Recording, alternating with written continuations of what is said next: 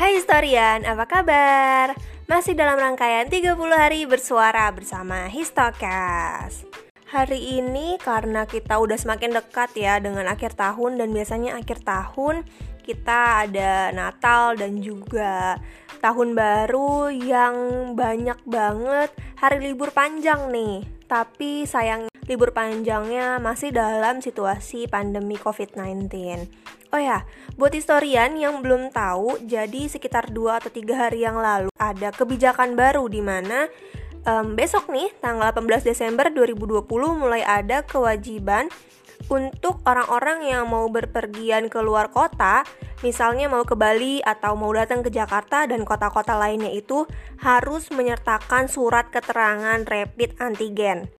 Nah, bedanya rapid antigen dengan rapid antibody yang biasa, kalau antibody itu kan yang diambil sampel darahnya. Nah, kalau rapid antigen ini dia diambil sampelnya itu dari tenggorokan dan hidung. Nah, jadi buat kamu historian yang mau berpergian, mau liburan jangan lupa besok ya mulai 18 Desember 2020 sampai 8 Januari 2021 ada kebijakan baru di mana kamu yang mau berpergian pakai transportasi umum kayak pesawat, kereta, terus bus itu harus menyertakan surat keterangan rapid antigen.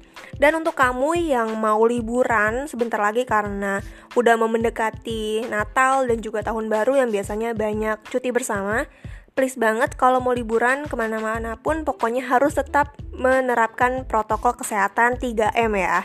Oke, karena saya tadi udah mengasih informasi tentang liburan juga, terutama kebijakan dari pemerintah yang baru. Nah, hari ini karena di episode yang ke-17 ini bahasnya tentang liburan, jadi saya tanya dulu deh, hmm, mungkin ada nggak rencana akhir tahun kamu mau liburan atau mau pergi ke satu tempat?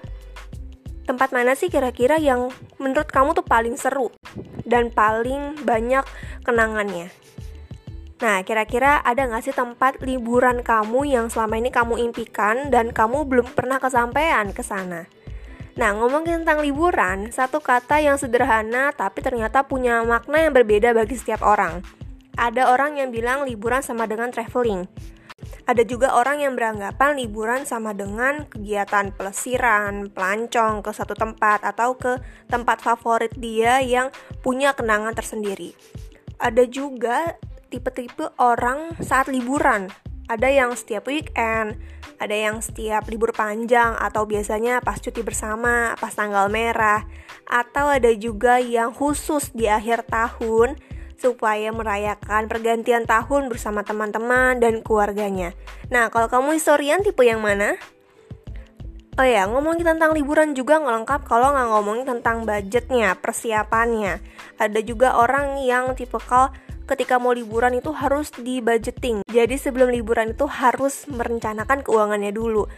Harus merencanakan akomodasinya, penginapannya, makannya, dan segala macam. Ada juga yang nggak terencana, jadi mau ke mana pun hayo asal uangnya ada. Nah kalau kamu juga tipe kal yang mana nih?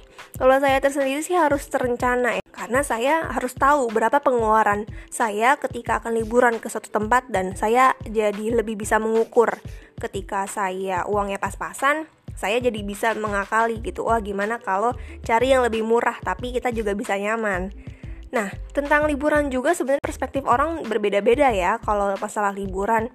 Ada yang bilang liburan itu sebagai kebutuhan, ada juga untuk refreshing diri sendiri, atau mungkin ada juga yang liburan ini sebagai nurutin feeds Instagram biar dikira up to date. Atau mungkin kamu yang liburan itu bener-bener pengen explore tempat itu karena emang bener-bener belum pernah dikunjungin. Atau ada juga nih orang yang suka traveling yang menganggap liburan tuh sama dengan ia tuh bisa mengeksplor budaya penduduk setempat. Dia juga bisa datang ke tempat wisata atau ke tempat bersejarah di suatu kota. Biasanya kalau orang-orang yang suka traveling gitu, dia bakal lebih akrab, lebih mudah untuk beradaptasi dengan orang-orang baru, dengan kebudayaan baru, dan dia juga jadi bisa belajar banyak hal. Nah, historian sebenarnya pengalaman liburan tuh punya makna yang beda-beda ya bagi setiap orang yang tadi sudah saya bilang.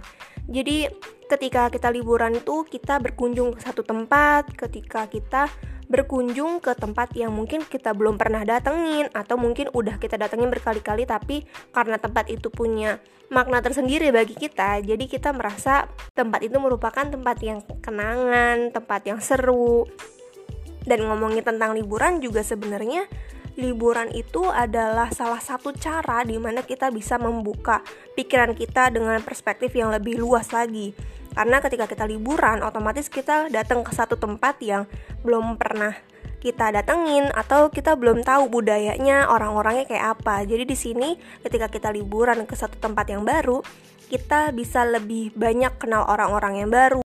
Kita bisa belajar bahasa dan kebudayaan daerah itu.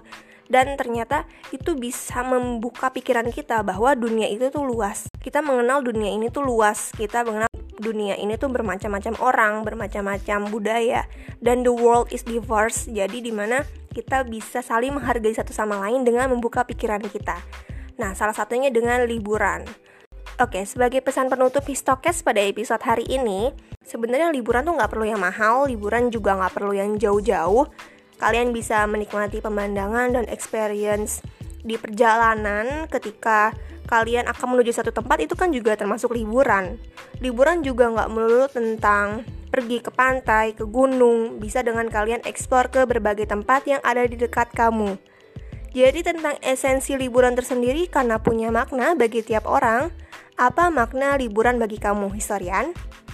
Terima kasih telah mendengarkan episode Histokes hari ini. Sampai jumpa.